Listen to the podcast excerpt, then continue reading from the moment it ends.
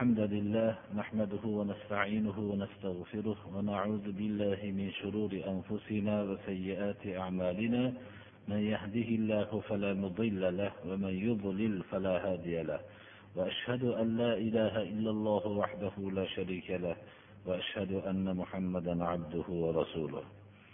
أما بعد السلام عليكم ورحمة الله وبركاته. Qur'oni karimdan davom etib kelayotgan darsimiz surai tavbaga kelib to'xtagan edi. Surai tavba qur'oni karimning agarchi oxirida nozil bo'lgan suralardan bo'lmasa ham oxirlardagi suralardandir. Shuning uchun surai tavba oyati hal qiluvchi hukmlarni o'z ichiga olgan inshaalloh sura tavbani keyinroq bir tafsir qilishlikni shu ma'qul topildida sura tavba oyatlari inshaalloh hal qiluvchi oyatlar bo'lganligi uchun takror aytamiz va qur'oni karimning suralarining oxirlaridan bo'lganligi uchun. Va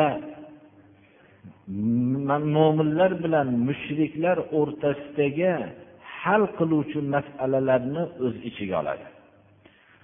Rasululloh sollallohu alayhi vasallamga avvalda muomalotlarda nozil bo'lgan ba'zi bir muomalotlarni nosihi ya'ni mansux qiluvchi oyatlarni o'z ichiga oladi. Shuning uchun ham surai yunusni inshaalloh bugundan tafsir qilamiz. Surai yunus bir yuz to'qqiz oyatni tashkil qiladi. Makkai mukarramada rasululloh sollallohu alayhi vasallam turganlarida nozil bo'lgan. Sura yunus alloh subhanahu va taoloning o'tgan payg'ambarlaridan bitta yunus alayhissalomning nomi bilan nomlanadi. sura yunusning oxirida yunus alayhissalom haqidagi xabar ham shu suraga joylashgandir.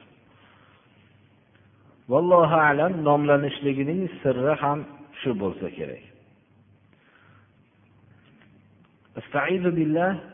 Alif lam ro tilka ayatul kitabil hakim. Hurufu muqattoatlar qur'oni karimda ba'zi suralarning avvali shu hurufu muqattoatlardan tashkil topgan. Ya'ni yakka yakka holatda o'qiladigan harflardan tashkil topgan.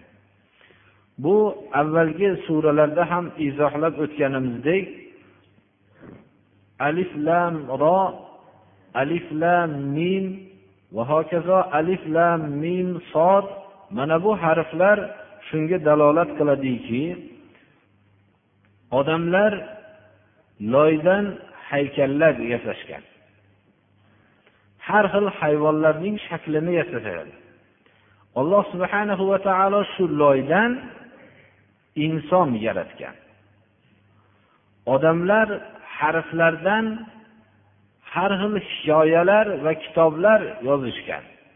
Alloh subhanahu va taolo shu harflardan qur'on yaratgan. Ularning odamlarning yozgan hikoya va kitoblari bilan qur'on o'rtasidagi farqni tushunmoqligimiz shunday bo'lishligi kerakki inson bilan olloh o'rtasidagi farqdagi o'xshagan katta farqdir. Yoyinki insonlar yasagan haykal bilan yoyinki boshqa hayvonlarning shakli bilan olloh yaratgan inson o'rtasidagi farqqa o'xshagandir. Bir nodon aytishligi mumkinki bu mana toshda ham haykalda bu toshlardan yasalgan haykalda ham burun ko'z quloq oyoq qo'l bor. Bu insonda ham shu narsa bor ekan. Bu inson bilan bu toshni o'rtasida nima farq bor degan odamning nodonligi qancha bo'lsa bu qur'on bilan boshqa kitoblar o'rtasida nima farq bor degan odamning nodonligi ham shundan kam emas birodarlar. Alloh subhanahu va taolo rasululloh sollallohu alayhi vasallamga qur'oni karimni nozil qildi. Yigirma uch yil eng ashaddiy dushmanlar ichida yashadilar. Rasululloh sollallohu alayhi vasallamning davrlari hamma odamlarning ittifoqi bilan balog'at va fasohatda shoirlarning ko'pligi va eng kuchli shoirlarning bo'lgan davri ekanligida hammalari ittifoq qilishgan. Ya'ni u vaqtda bir fasohat bilan she'r yo kitoblar yozadigan odamlar yo'q edi deb o'ylab qolinmasin. Zamoni johiliyat ya'ni payg'ambarimiz sollallohu alayhi vasallamdan ilgarigi shu kishi yashagan davrlarda shoirlar jang qilyotib yozgan she'rlariga hozirgi vaqtgacha saqlanib qolgan mana bu she'rlarni hozirgi shoirlar ilhom parisini kutib turgan vaqtida ham yozisholmaydi bu she'rlarni. Uning bir qismiga ham o'xshatisholmaydi.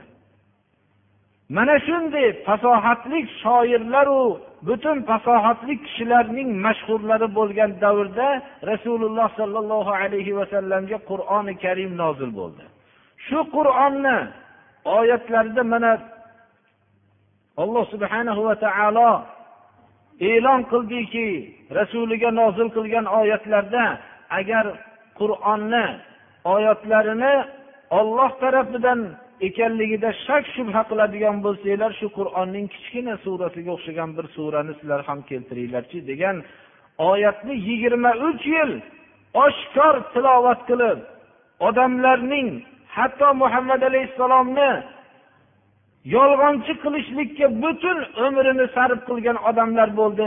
Birortalari shu she'rni shu o'zlari tarafidan biror bir narsa aytishmadiki qur'oni karimni o'qishganda yoki eshitilgan vaqtda ularni qur'on shunday bu qur'on hech insonning so'zi emas deb ashaddiy dushmanlari ham tan oldi. Mana bu narsa hurufu muqattaotlar bilan ba'zi o'rinda ishora qilinadiki alif lam ro tilka ayatul kitabil hakim. Bu hikmatlik kitob oyatlaridir. Bu hikmatli kitob oyatlari sizlarning o'zinglar bilgan harflardan tashkil topgan qani shu qur'onni suralariga o'xshagan bir surani keltiringlarchi قل لئن اجتمعت الإنس والجن على أن يأتوا بمثل هذا القرآن لا يأتون بمثله ولو كان بعضهم لبعض ظهيرا agar jin va inson toifasi hammasi bir biriga yordamchi bo'lishib ular qur'on suralarini yo qur'onga o'xshagan narsani olib kelishlikka yordam berib turishsa hammasi jamlanganda ham bu qur'onni misolini keltirisha olmaydi degan mana qat'iy oyatlar bor. Bu narsa bashariyat qur'onni ulug'ligiga mushrik va kofirlar har qancha qur'onni ulug'ligini pastlataman deb harakat qilishganlar sari birortalari bunga qodir bo'la olmadi va qodir bo'lolmaydi ham qiyomatgacha qur'oni karimni alloh subhanahu va taolo saqlashlikka o'zi kafil bo'ldi أكان للناس عجبا أن أوحينا إلى رجل منهم أن أنذر الناس وبشر الذين آمنوا أن لهم قدم صدق عند ربهم قال الكافرون إن هذا لساحر لساحر مبين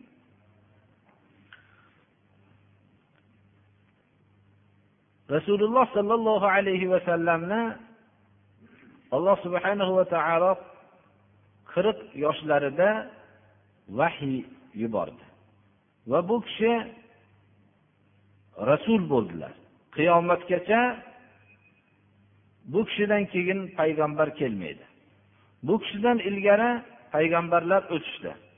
Alloh subhanahu va taolo o'zi tanlagan payg'ambarlarga vahiysini jo'natdi. Lekin odamlar buni juda ham qiziq holat bilan kutib olishdi.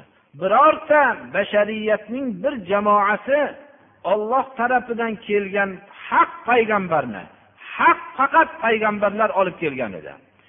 Agar tarixning hamma davrini tekshirib ko'ring. Biror davrda haqiqat kelgan emas magar payg'ambarlar tarafidan olib kelingan. Hamma o'tgan davrdagi olib kelganlar ma'lum bir muddat ularning yo'li o'zlaricha to'g'ri deb o'ylagan odamlar ham dunyoning eng katta kazzoblari shu bo'lgan ekan deb o'zlari tan olishdi. Ammo payg'ambarlarni har qancha malomat qilishlik har qancha qarshiliklar ko'p bo'lishligiga qaramasdan payg'ambarning payg'ambarligiga unamagan dinsiz dahriylar ham payg'ambarlarni nihoyat darajada o'tkir aqlli inson bo'lgan deb o'zlarining shu fikrlarini oxiri shu bilan tan olishlikka majbur bo'ladi. Ular to'g'ri bu so'zlari bilan rasul ekanligini risolatini tasdiqlagan qatoriga kirmaydi ular. Ularning bu so'zlari bir tomonlama makr bo'lsa ikkinchi tomondan birortalarini kamsitisha olmaydi. Mana bu narsa hatto dahriylar tarafidan ham shunday birodarlar.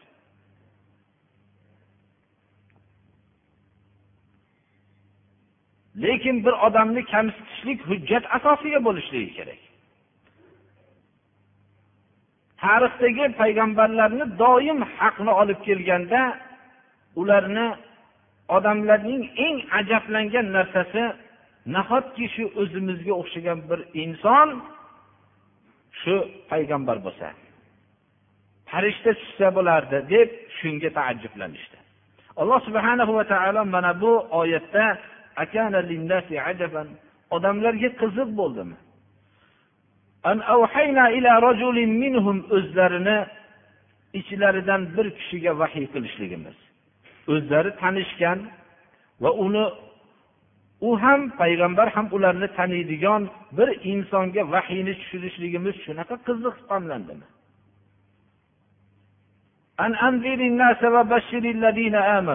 u payg'ambar qani menga moli davlatinglarni to'plab meni oldimga olib kelinglar degan emas edi. Yoyinki u payg'ambar biror bir shaxsiy manfaatini ko'zlab ish qilmagan edi. U payg'ambarning vazifasi birinchi odamlarni ogohlantirgan edi. Ya'ni ollohning qattiq azobidan ogohlantirgan edi.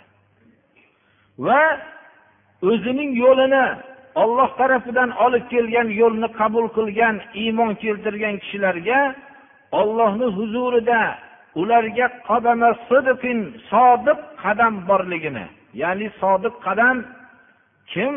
Sodiq qadamni bosib sabot bilan tura oladi. O'zining haqiqatligini mukofotini olayotgandagi insonning qadami nihoyatda mustahkam bir quvonch bilan turadi. Haqiqatda ham og'ir uzoq vaqtlardan beri inson mehnat qilib va o'zining haqligini isbotlashlikka urinib bu isbotlashlikning samarasini uzoq vaqt ko'rmagandan keyin alloh subhanahu va taolo tarafidan bu mislsiz insonning ko'zi ko'rmagan qulog'i eshitmagan insonning hayoliga kelmagan katta mukofotni qilgan vaqtida uning muqobalasida buni yolg'onchi deb yurgan odamlarning achinarli holati ham turgan bo'lsa uning qadami nihoyatda bir sodiq mustahkam qadam bilan turadi. Alloh subhana va taolo iymon keltirgan kishilarga payg'ambarlarga buyurdiki bashorat bering ularni robbilarining oldida. Biror bir hurmatli odamning oldida mukofot olayotgan odamni ko'rsangiz inson zaif bir inson o'ziga o'xshagan bir insonning oldidagi qilgan mehnatining mukofotini olayotganligini ko'rsangiz uning quvonchini qo'yaverasiz. Bu robbilarining huzurida mukofotni olayotgan vaqtda qadamining sodiq qadam ularga bo'lishligini bilan bashorat bering deyapti alloh taolo. Mana shu payg'ambarning kelishligi odamlarga qiziq bo'ldi. Shu odamlar shunga qiziq nima uchun bizdan bo'lgan bir inson o'zimizni ichimizda yashagan insonga bu vahiy bo'lar ekan deb shunga ajablandi. Biror bir payg'ambarni bormisiz siz shunday haqiqat ham bor ekan deb kutib olgani yo'q bu bashariyat. Lekin umrbod bu haqiqat bormi bo'larmikin deb orzu qiladigan insonlar haqiqat chiqqanda birinchi marta haqqa qarshi bo'luvchi shu insonlar bo'ladi birodar. Ammo haqiqat payg'ambarlar yo'lidan boshqa yo'l bilan vujudga kelmaydi.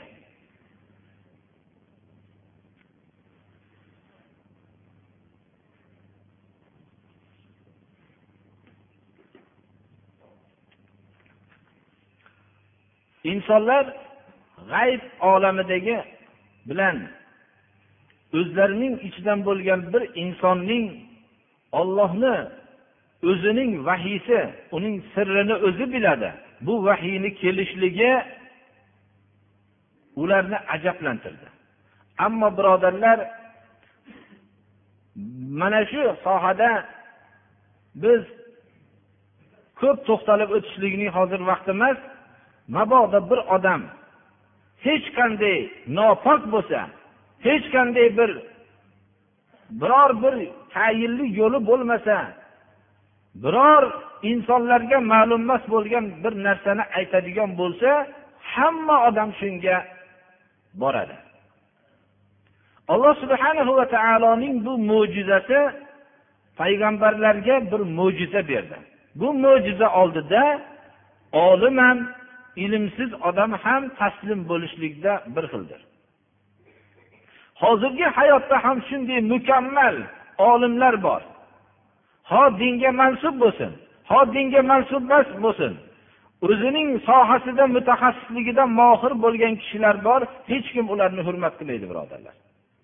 Ammo bir odam nopok bir inson kelib o'zi odatda qilib yurgan insonlarning ishlaridan boshqacha bir holatni paydo qilib ko'rsatib bersa hamma shuni oldiga borib shunga taslim bo'lib qola qoladi o'zi hech qaysi sohada yo'q. Nihoyatda nopok. O'zi hayotida bir birov bilan bir kalima gaplashishlikka ham ahli yetmaydigan bir nopok inson bo'lsa ko'rasizki erkaku ayolni shu xonadondan topasiz. Bu mo'jiza oldida taslim bo'lishlik. Buni biz mo'jiza demaymiz odamlarni. Shuning uchun alloh subhana va taoloning rahmati rasul payg'ambarlarga mo'jiza berdi. Bu mo'jiza u oldida tez muddatda odamlar taslim bo'lishdi. Alloh subhana va taoloning oxirgi risolat mo'jizasi abadiy mo'jiza bo'ldi. Avvalgi risolatlar abadiy davomiy bo'lmaganligi uchun ulardagi mo'jizalar ham vaqtincha bo'ldi. Muso alayhissalomga berilgan mo'jiza aso mo'jizasi bo'ldi. U kishining risolatlari davomiy emas edi.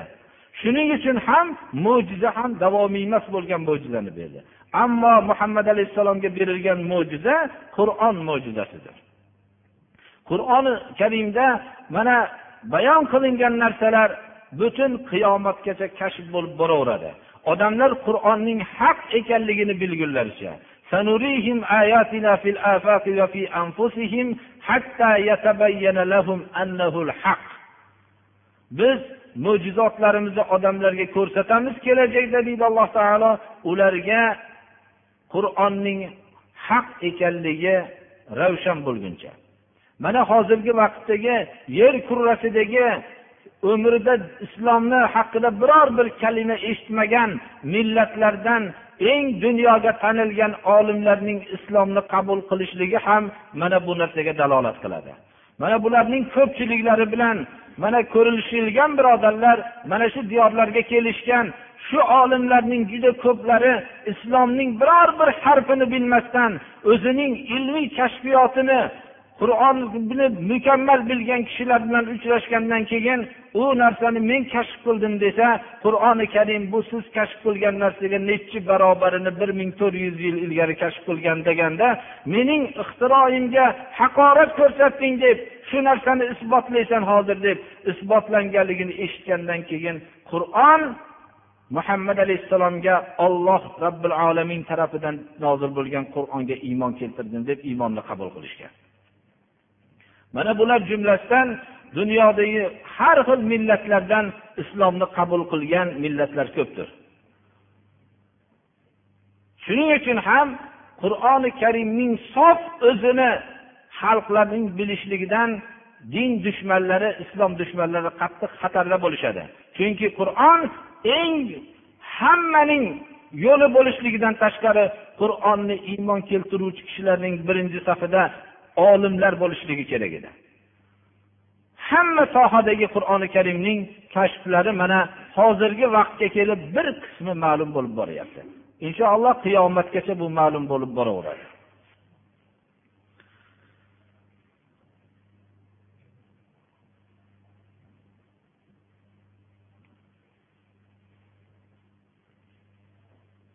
Va taoloning hikmati insonlarni o'zini ichidan payg'ambar tanlaganligi ollohning hikmati bo'ldi. Odamlar lekin shunga ajablandi. Bu ham bizga o'xshagan insonda dedi. Payg'ambarlar biror vaqtda aytishmadilarki men farishtaman yo boshqacha maxluqman deyishmadilar. Men sizlarga o'xshagan insonman dedilar. Payg'ambarlarni inson o'zimizni ichimizdan bo'lgan inson bo'lishligi o'zi biz uchun eng katta ne'mat edi. Agar bir kishi o'ziga o'xshagan odamning bir harakat qilayotganligini ko'rsa unga taqlid qilib ergashishlikka harakat qiladi. Ammo yirtqich bir hayvon yoyinki umrida nafsi yo'q bo'lgan uyqusiramaydigan nafsi havodan pok bo'lgan farishta agar bir amalni qilayotgan bo'lsa aytadiki bu farishta bu men insonman men bunga hech ergashishligimga hojat yo'q deydi. Va ergasholmayman ham deydi. Hayvonga ham shunday deydi. Biror yirtqich hayvon tarafidan jismoniy katta quvvat kuch ko'rsatilsa u men bu biz insonmiz bunday quvvat bizda bo'lishligi mumkin emas deb o'zi ergashmay qo'yaveradi. Ammo o'zini jinsidan bir odam qilgandan keyin bir amalni unga ergashishlik tabiati shunda paydo bo'ladi. shuning uchun alloh subhana va taolo payg'ambarlarni o'zining jinsidan o'zi bilgan toifalardan yaratdi ana bu kishi eng komil axloqni shaxsiy hayotida ham ijtimoiy hayotida ham hamma hayotining tarmoqlarida komil axloqni o'zida mujassamladi shu bilan boshqalar ergashishlikka harakat qilishdi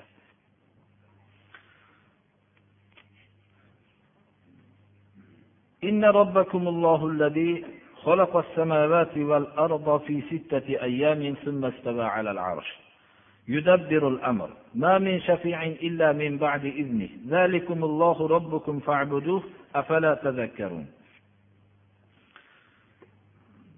alloh subhanahu va taolo koinoti yerni yaratganligi sizlarning rabbiylar koinoti yerni olti kunda yaratdi. Bu kun qanday kun biz bilmaymiz uni. Bu kun ollohni kunlaridan. Olti kun biz bilgan bizning kunimiz olti kunki yigirma to'rt soatni tashkil qiladigan bir kecha va kunduz shundan iborat bo'ladi. Lekin kun hammasi bu emas birodarlar olti kun degan ma'noni kayfiyatini biz bilmaymiz. Buni kayfiyatini bilmasligimizni fikrimizga yaqinlashtirishlik uchun ba'zi bir kunlarni oyning kun bir kecha va kunduzi o'ziga xos muddatga ega. Boshqa sayyoralarning ham o'ziga xos bir kecha va kunduz muddati bor. Shunday sayyoralar borligi mana hozirgi olimlar bayon qilyaptiki bir kecha va kunduz yer kunining bir necha ming yillariga to'g'ri keladiganlari bor. Shuning uchun biz bu kun qanaqa kun? Alloh subhanahu va taolo o'zi biladi. Biz shuni bilamizki rob subhanahu va taolo koinot yerni olti kunda yaratdi. Va arshga barqaror bo'ldi. Istivo ma'nosi ma'lum lekin qanday bo'lishligi kayfiyat majhuldir. Bu haqda insonning savol qilishligi bid'atdir. Ya'ni insonga berilgan ilm bir qism ilm berilgandir. Inson hamma g'arizalar insonda bo'lishligi qatori bilan yemoq va ichmoq va uxlash va qo'rquv boshqa g'arizalar bo'lish qatorida bilmaslik g'arizasi ham bor. Inson o'ziga aytsin hamma narsani bilasan deb ko'ring. Shunda u ichingizdan sen nodonlik qilyapsan bu so'zingda degan javobni eshitasiz. Yana uni ustiga hamma narsani bilmayman deng. Yo'q sen ba'zi narsalarni bilasan deng. Bilgan narsalaring bilmagan narsangdan ko'proq deng. Va ichingizdan tovush chiqadiki bu narsa xato deydi. Bilmagan narsalarim bilgan narsamdan ko'proq desangiz endi mana bu fikring to'g'ri degan narsani inson o'zi tasdiqlaydi. Demak inson o'zining g'arizasiniga muvofiq biror bir maslak javob aytgan emas birodarlar. Insonlar hozirgi moddiy insonlar biz hamma narsani bilamiz kashf qilamiz deb davo qilishdi. Bular kashf qilgan sari olamning hammasi noma'lum narsaga aylanib ketdi. Insonning bilimi shu yerga yetib to'xtaydiki bilmasligini shundagina tushunadi. Bilmasligini tushungandagina olimga aylanadi. Shuning uchun biz qur'oni karimda ko'p narsalarni alloh subhana va taolo xabarini bergan hadis shariflarda rasululloh sollallohu alayhi vasallam ba'zi narsalarning xabarini berganlar bu narsalarning ba'zilarini sirlari ochilib boraveradi insonning harakati sababli lekin ba'zi narsalar inson bilmasdan qolaveradi. Bu narsa insonning g'arizasini qondiruvchi narsadir. G'aybga iymon keltirishlik bizdagi bilmaslik g'arizasini qondirishlikning bir yagona omilidir. Xuddi inson g'aybga iymon keltirishlik bilan rohatlanadiki och vaqtida ovqat yeb rohatlanganga o'xshagan. Alloh subhanahu va taolo koinot yerni boshqaradi. Yudabbirul amr. Buni makka mushriklari ham buni tan olishardi. Koinoti yerni biror bir dahriy ham aytolmaydiki biror bir narsani boshqarishlikda bizning ham sharikligimiz bor deyolmaydi. Koinoti yerdagi hamma qonuniyat o'zgarmas qonuniyatni yaratgan zotga bo'ysunadi. Yudabbirul amr insonning hayotida ham alloh subhana va taolo o'zi boshqaradi. Uning a'zolarining bir qismi insonning hayoti ikkiga bo'linsa bir qismi ollohni qonuniyatiga bo'ysunadi. Lekin insonni alloh taolo hamma borliqniga bermagan ne'matini berdi. Bu ne'mat ixtiyor bilan yashashlik ne'mati. Ixtiyor ne'matini alloh taolo insongagina berdi boshqa mavjudotga bermadi. Boshqa mavjudot olloh tarafidan yuborilgan qonuniyatdan zarracha chiqolmaydi insonning ko'zi bilan ko'rishligi qulog'i bilan eshitishligi qo'li bilan ishlashligi oyog'i bilan yurishligi bu narsalar alloh subhana va taoloning qonuniyati bilan bo'ladi. O'pkasi bilan nasab, bu nafas olishligi yuragi qon vazifasini bajarishligi bular olloh tarafidan bo'lgan qonuniyatga bo'ysunadi. Xohlasa ham shu qonuniyat davom etaveradi xohlamasa ham davom etaveradi.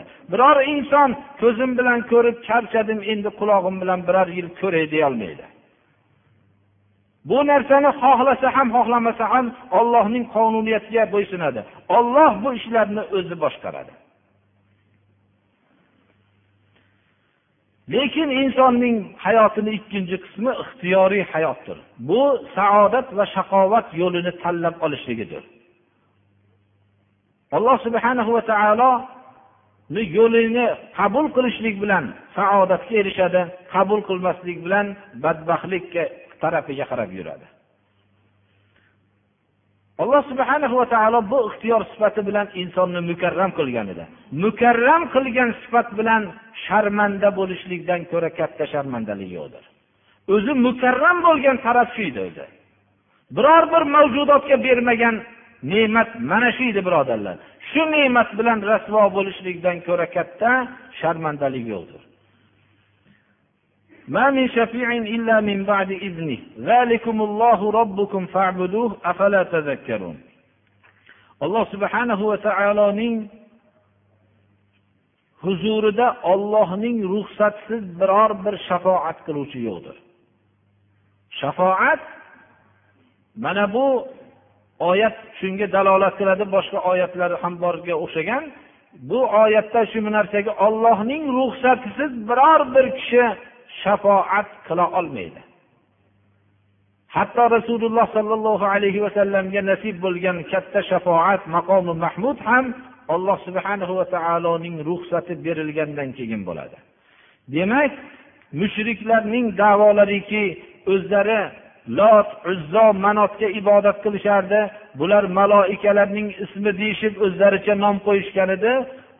Bularning shafoati bo'ladi deb davo qilishgan shafoatlari kizib ekanligini mana bu oyat ko'rsatadiki shafoat qiluvchi ollohni huzurida yo'q magar ollohni ruxsati bilan bo'ladi.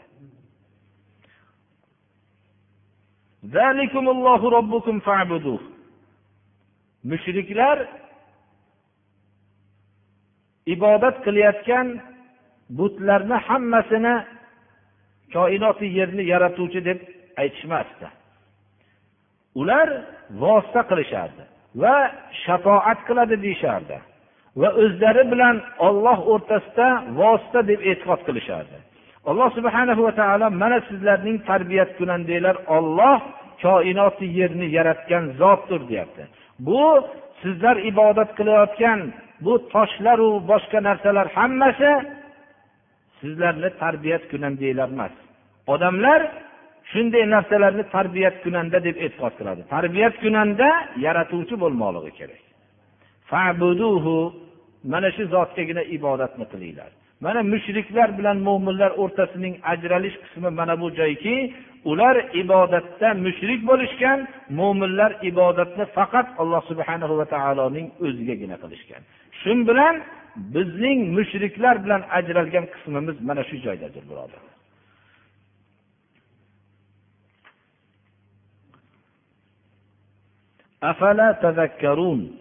tafakkur qilmaysizlarmi ya'ni yaratuvchi bo'lmagan narsaga ibodat qilib xato ish qilyapsizlar mana bu narsani tafakkur qilmaysizlarmi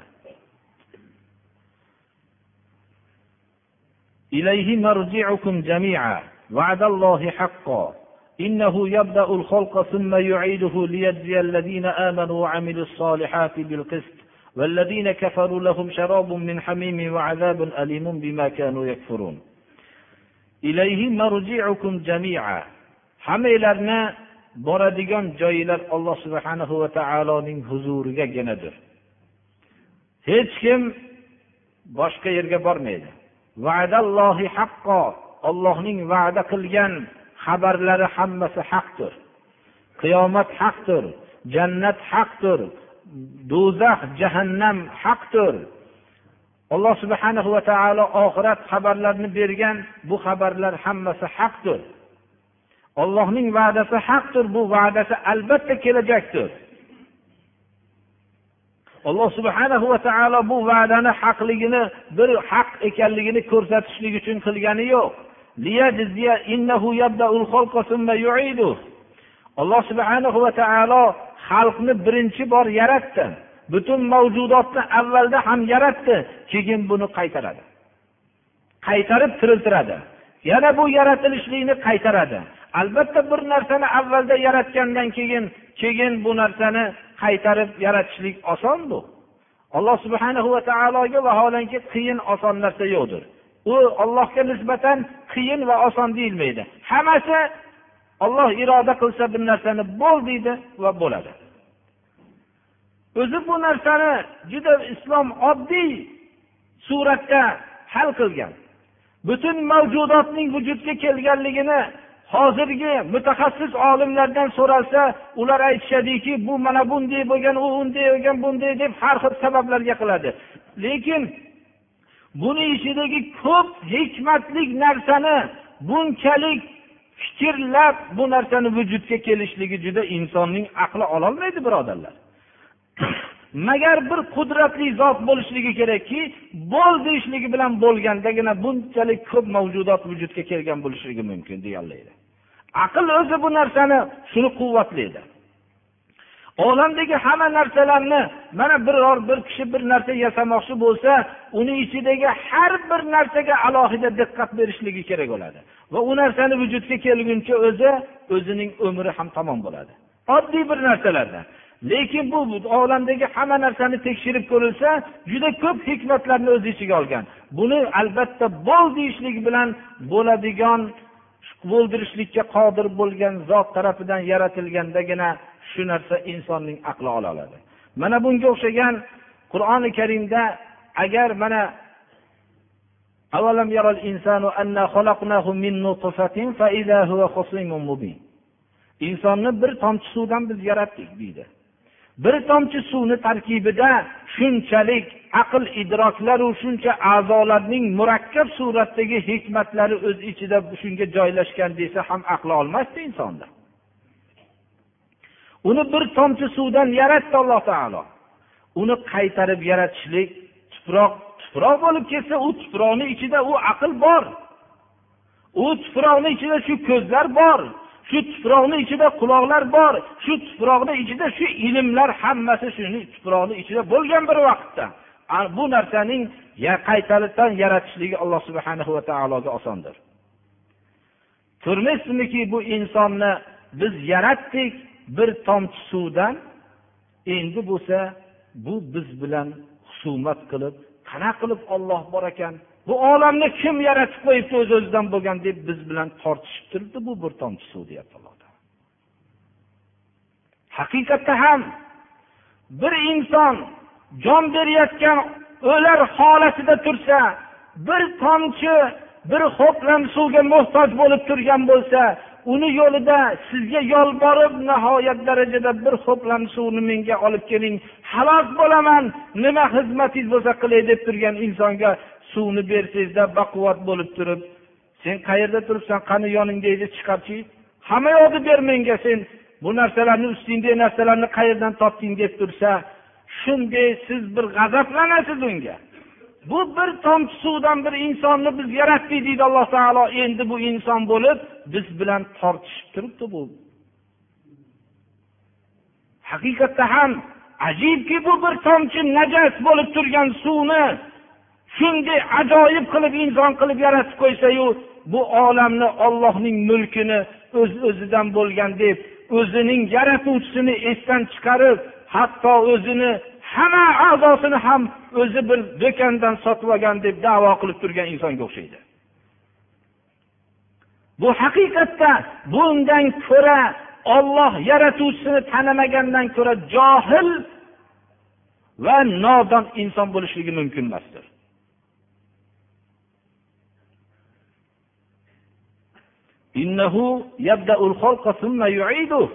Alloh taolo insonni birinchi hamma mavjudotni yaratganga o'xshagan uni avvalda ham yaratgan va keyin uni qaytarib yaratadi. Lekin bir yaratilganlikka qodir ekanligini ko'rsatib qo'yishlik uchun bo'lganda juda oson bo'lardi insonga. Lekin iymon keltirgan va amali solihlarni qilgan kishilarni adolat bilan mukofotlashlik uchun kofirlarga bo'lsa qaynoq suvdan bo'lgan ichimliklar va kofir bo'lganligi sababli alamlantiruvchi azoblar bor deydi alloh taolo. Lekin inson shu vujudga kelib yana shu bilan o'zini ollohni qudrati bilan yaratilib shunday qolib ketganda u oson bo'lgan bo'lardi. Endi hayot ikkiga bo'linadi. Dunyodagi hayot ikkiga bo'linganga o'xshagan. Jannat yo jahannam? Boshqa narsa yo'q birodarlar. Kofirlar ollohning qonuniyatiga qarama qarshi ish qilishdi. Ular bashariy kamolotni yo'lida yurishmadi. Ular bashariy kamolot yo'linidan chetlanishdi ular. Bu narsa shuning uchun ollohning yuborgan qonunidan chetlangandan keyin alloh subhanahu va taolo ularni halokat yo'liga giriftor qildi. Xuddi misoli shunga o'xshaydiki tabib tandurustlikka bir qonun tuzib bergan edi. Agar shu qonunga bo'ysunsangiz salomatligingiz ziyoda bo'lib quvvatlanasiz deb. Agar bu qonunga bo'ysunmasangiz siz zaiflashib halok bo'lasiz degan edi. Kun sayin halokat zaiflashligingiz kuchayib boraveradi degandi u tandurustlik qonuniga bo'ysunmagan inson albatta u kasallikka duchor bo'lib shu yerda o'zining kun sayin zaiflashib boraveradi. Bashariyatning ollohni qonuniga bo'ysunmay turishligi ham xuddi misoli shunga o'xshaydi. Alloh subhana va taolo bashariyatning salomat hayot karvonida ketishlik uchun bir qonun yuborgan edi. Bu qonun qur'on qonuni edi. Bu qonundan voz kechishligi bilan bundan bu qonunni rioya qilmasligi bilan xuddi u kun sayin halokatga yaqinlashib boraveradi. Lekin bu bashariyatning turganligi sizni mag'rurlantirmasin. Xuddi bu ichi tugab qolgan kasalni turganiga o'xshaydiki u bir vaqtni o'zi tamom bo'lib qolgan insonga o'xshaydi. Ammo shu inson bilan tandurustlik qonunini rioya qilib turgan bir insonni ikkovini nima farqi bor deb hech kim aytmaydi birodarlar? Shuning uchun qaysi jamiyat ollohning yuborgan qonuniga bo'ysunar ekan bu jamiyat shu alloh subhana va taoloning saodatiga erishadi. Alloh subhana va taolo tandurustlik uchun ham mana bo'lgan bir alohida tabib tarafidan o'zi shu tabib sabab bo'lgan shu qonunni rioya qilmaslikni halokatini hamma tushunadi. Ammo jamiyatning mana bunday alloh subhana va taolo yuborgan qonunini rioya qilmagan jamiyatning so'ljayib borayotganligini buni tandurust odam biladi. Buni tabib bila oladi. Kun sayin uning yurganligi yo kasalligi yo yurib yo ovqatlarni yeyotganligidan mohir tabib uning tandurust bu yaxshi demaydi. Bu albatta halokat tarafiga qarab ketyapti deydi. Shunga o'xshagan buni ham jamiyat tabibigina ko'ra oladiki bu bashariyat halokat sari ketyapti deb bila oladi. Shuning uchun alloh subhana va taolo iymon keltirgan amali solih qilgan kishilarni dunyoda ham o'zining adolati bilan mukofotlaydi. Adolat bilan mana bashariyat tarixida zamoni saodatda rasululloh sollallohu alayhi vasallamning davrlarida bu mukofotlarni mana ashoblar olishdilar. Va keyingi bashariyat o'zining achchiq jazosini ham olayotganga o'xshagan.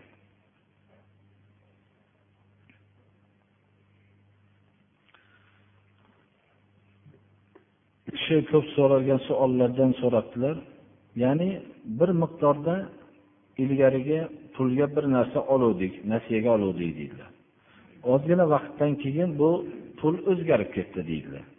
Shuning uchun shu biz qanday egasi bir miqdorni so'rayapti. Biz undan ko'ra ozrog'ini bersak qabul qilmayapti. Shu narsani qanday qilsak bo'ladi deyilyapti birinchi qarz birodarlar qur'oni karimda mana biz sura baqaraning oxirgi varag'ida qarz haqida oyatni tafsir qilganmiz.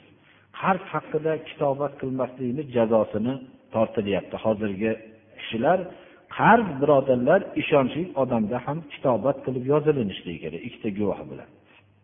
Shunday kelishuv asosida berilishligi kerak.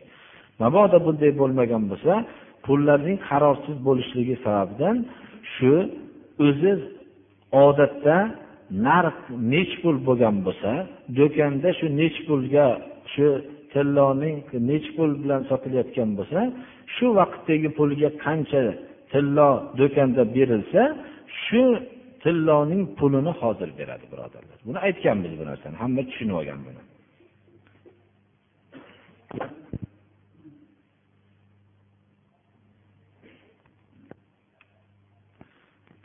So'rabdilarki chilla o'tirgan kishi jumaga. Endi chilla o'tirishlik o'zi asli bu qirq kun o'zini bir tarbiya qilishlik bu. Aslida chilla o'tirishlik yo'q birodarlar o'zi. Ya'ni jumaga albatta chiqaveradi. O'zi aslida ribo qirq kunni sababi shuki deganlar rasululloh sollallohu alayhi vasallam bir kishiga.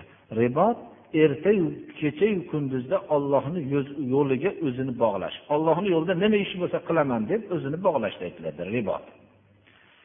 Besh vaqt namozda ham jamoat bilan o'qishlikni ribot deganlar payg'ambarimiz sollallohu alayhi vasallam uch marta takrorlaganlar. Ya'ni o'zini ollohni yo'liga bog'lagan kishi bir kishini ko'rdilarda dedilar. Shunda o'ttiz kun bo'ldi. Zid ashra dedilar o'n kun qo'shib qo'ygin dedilar. Shu sabab bilan qirq kunni ko'proq va jamoat tablig'dagi kishilar ham qirq kunga chiqishlikni shu yerdan olishgan xolos. Lekin bu narsa qirq kunga chiqish chiqmaslik bu narsaga qayd qilishlik xatodir birodarlar. Shunga o'xshagan chilla ham qirq kun har bir narsani nihoyasi qirq kunda yetib pishiladi deb shunga asos qilib olingan. To'g'ri qirq kunda ba'zi bir hikmatlar bor lekin biz o'zimizni aqlimiz bilan topib ketaversak bo'lmaydi. Bolani ham qirq kundan keyin onani qornida kamol topadida va qirq kundan keyin butunlay o'zgara boshlaydi. Uning hayoti butun tubdan qirq kundan keyin o'zgara boshlaydi rivojlanishligi ham. Xullas qirq kunlarda o'zi bir ba'zi bir nimalar bor.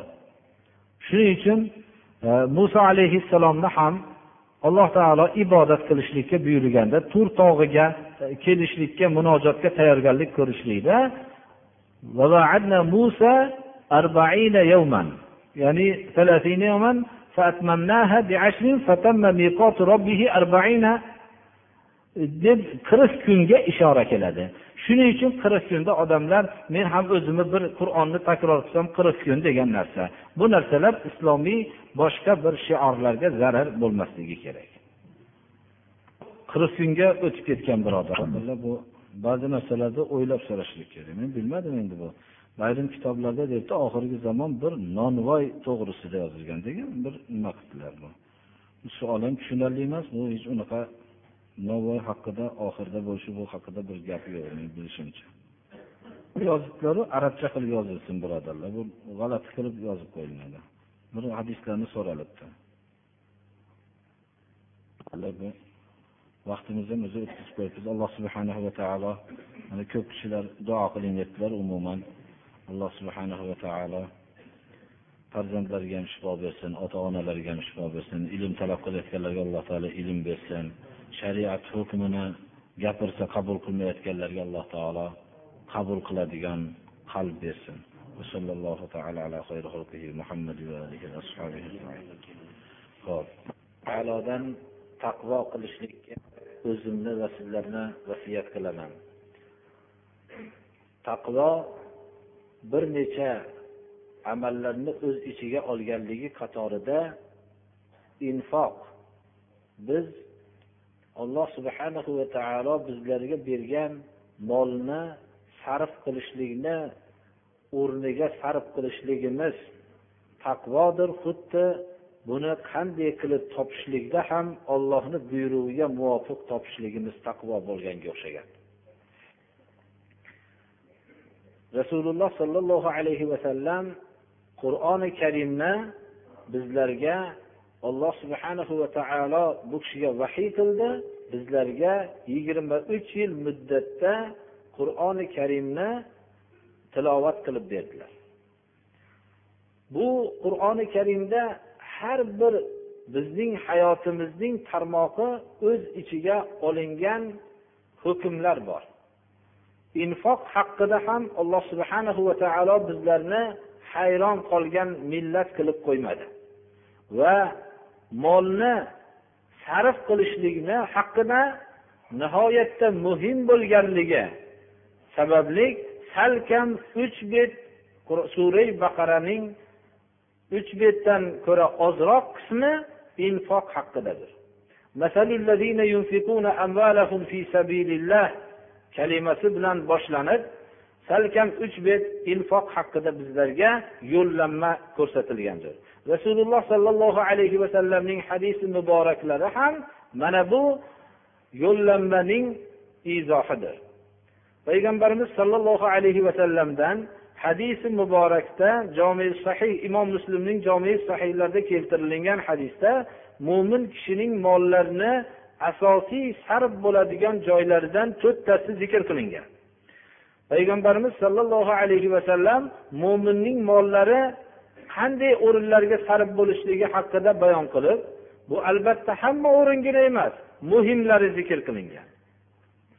Dinarun anfaqtahu fi sabilillah va dinarun anfaqtahu fi raqaba va dinarun tasaddaqta bihi ala miskin va dinarun anfaqtahu ala ahlik a'zamuha ajran allazi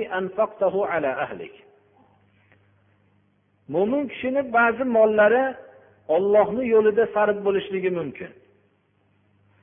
Ba'zi mollari bir qulni ozod qilishlikda raqoba kalimasi aslida o'zi bo'yin. Ya'ni bir qulni ozod qilishlikka moli davlati yetmasa hech bo'lmasa bo'ynini ozod qilsin. Ya'ni uch to'rt kishi bo'lib sherik bo'lib turib ham ozod qilishlikka ishora bo'lyapti. Bir yaxshilikni butun qilolmagan mo'min kishi uning bir qismini qilishlikka ham tayyor bo'lmoqligi kerakligiga ishora bo'lyapti. Haqiqatda ham bir narsani bir kishi o'zi mukammal qilishlik bu har kimga nasib bo'lavermaydi. Shuning uchun ham uning bir qismini bajarishlikka rasululloh sollallohu alayhi vasallam targ'ib qilyaptilar. Olloh yo'lida bu islomning rivojlanish yo'lida sarf bo'lgan mollar ollohning yo'lidadir. Haj uchun sarf bo'lgan mollar ollohni yo'lidadir. Ilmni talab qilishlik yo'lida sarf bo'lgan mollar ollohni yo'lidadir. Va hokazo ollohni yo'lida mollarning sarf bo'lishligini surati mana ko'pdir. Uchinchisi miskin hech narsaga ega bo'lmagan kishiga bergan mo'min kishining moli shunday o'rinlarga sarf bo'lishligi mumkin.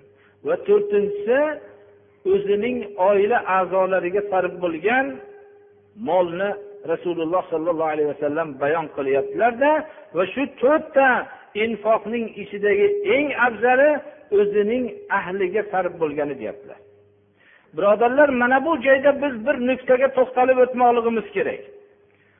O'zining oila a'zolariga sarf bo'lgan molni ularning ehtiyojotlari qondirilgan mol ajrda eng ko'p bo'lgan eng ajrli mol deyilyapti.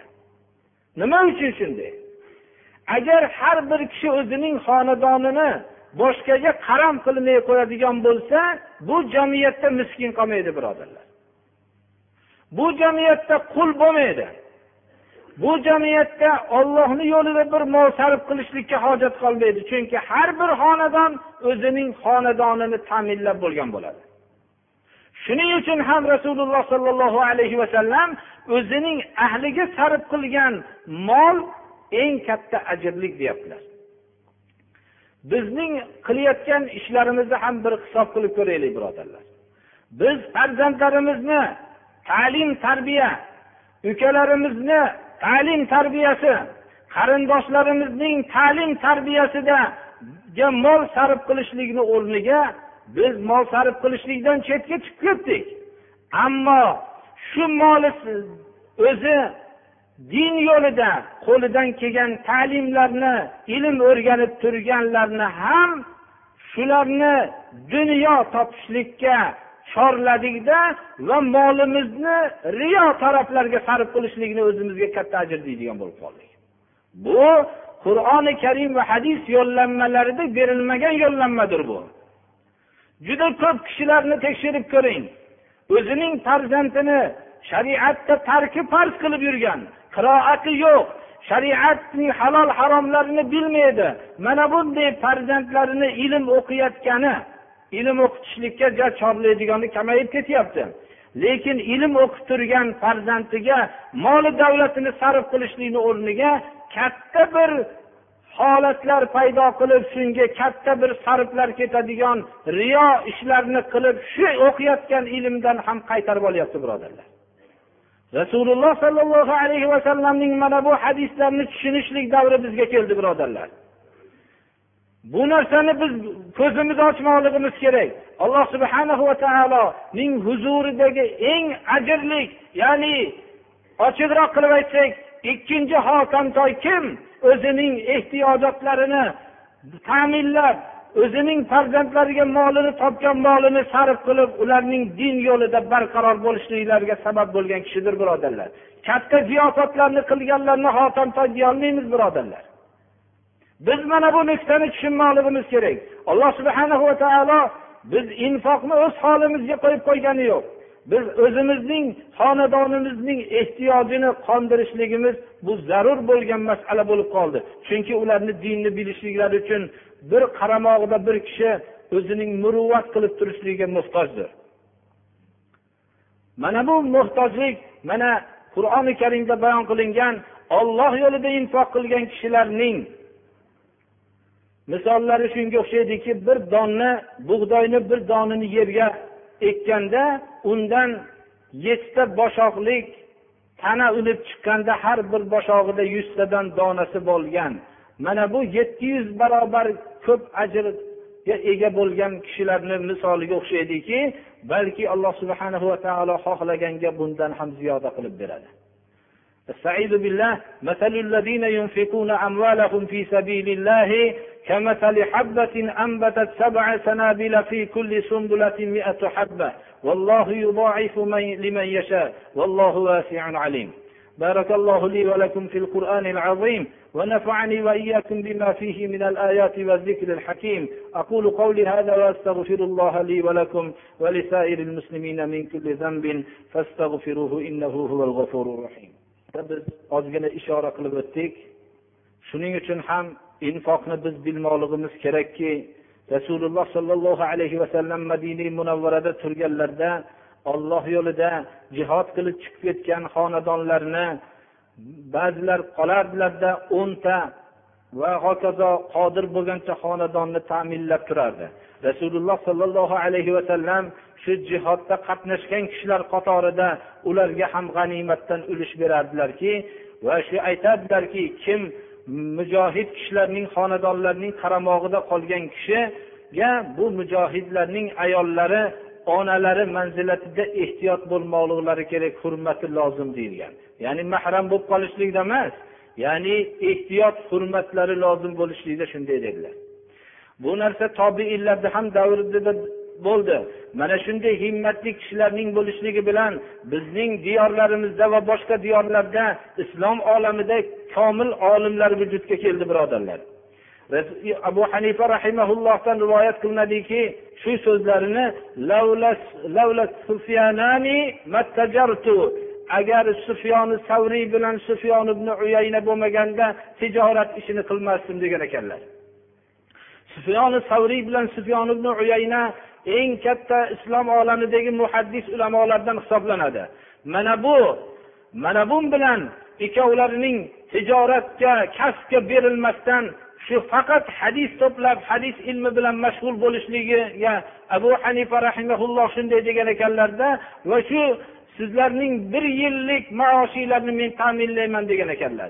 Va shunda tijorat ikki marta tijorat qilib birinchi ajratgan mollari sufyoni savriy bilan sufyoni uyaynaga bo'lar ekanlar.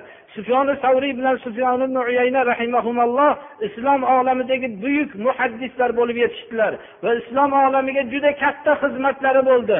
Mana bu narsadan butun islom olami bahramand bo'lar ekan. Bularga sabab bo'lgan abu hanifa rahimaullohga albatta ajr bo'lib turadi birodarlar. Biz ham hayotda hech bo'lmasa bir kishining olim bo'lishligiga bir sabab bo'lib qolsak mana shu alloma bo'lib yetishsa shundan manfaatlangan qiyomatgacha bo'lgan manfaatlanishdan bizga ham ajr bo'ladi. Biz yaqinda moli davlatlar manfaat bermaydigan qabrga ketyapmiz birodarlar. Mana bu kunga ham tayyorgarlik ko'rmoqligimiz kerak. Islom olamida shunday buyuk himmatli odamlar bo'lganligi uchun islom olamida shunday katta olimlar yetishib chiqdi. Bizga ajnabiy millatlarning ta'siri o'tdi birodarlar. Bizga dahriylarning ta'siri o'tdi.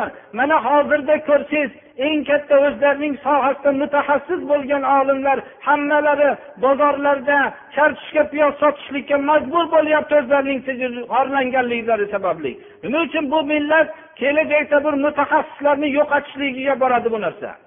Shu narsa qadrsizlik bo'lganligi narsadan ilmning qadrsiz bo'lganligi natijasidan bo'ladi. Bizda ham shunday qobiliyatli yigitlar borki qobiliyatli yoshlar borki katta allomalar bo'lib yetishishligi mumkin.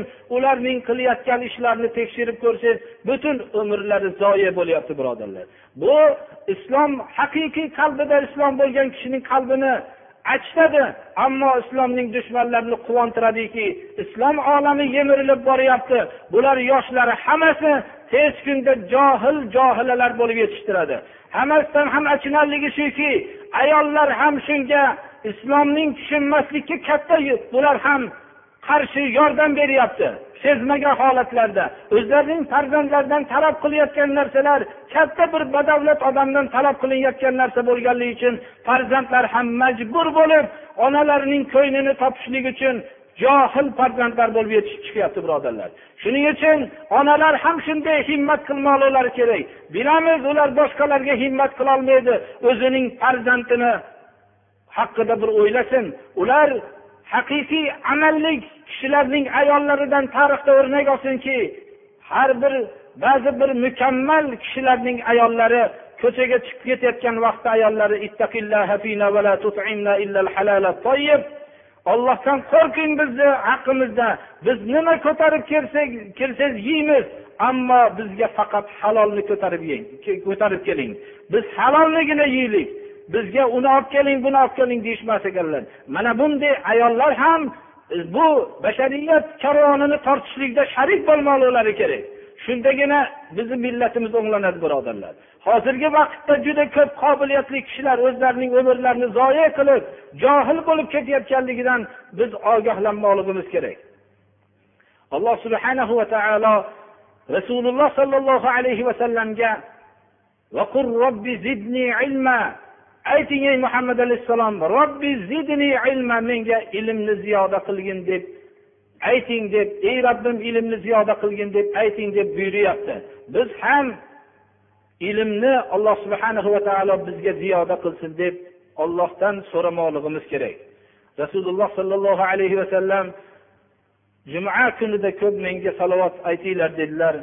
Maloikalar alloh subhanahu va taolo va maloikalar hammalari salovat aytadi payg'ambarimiz sollallohu alayhi vasallamga qadamlariga hasanotlar bersin. Alloh subhanahu va taolo islomga yordam berayotganlarga alloh yordam bersin.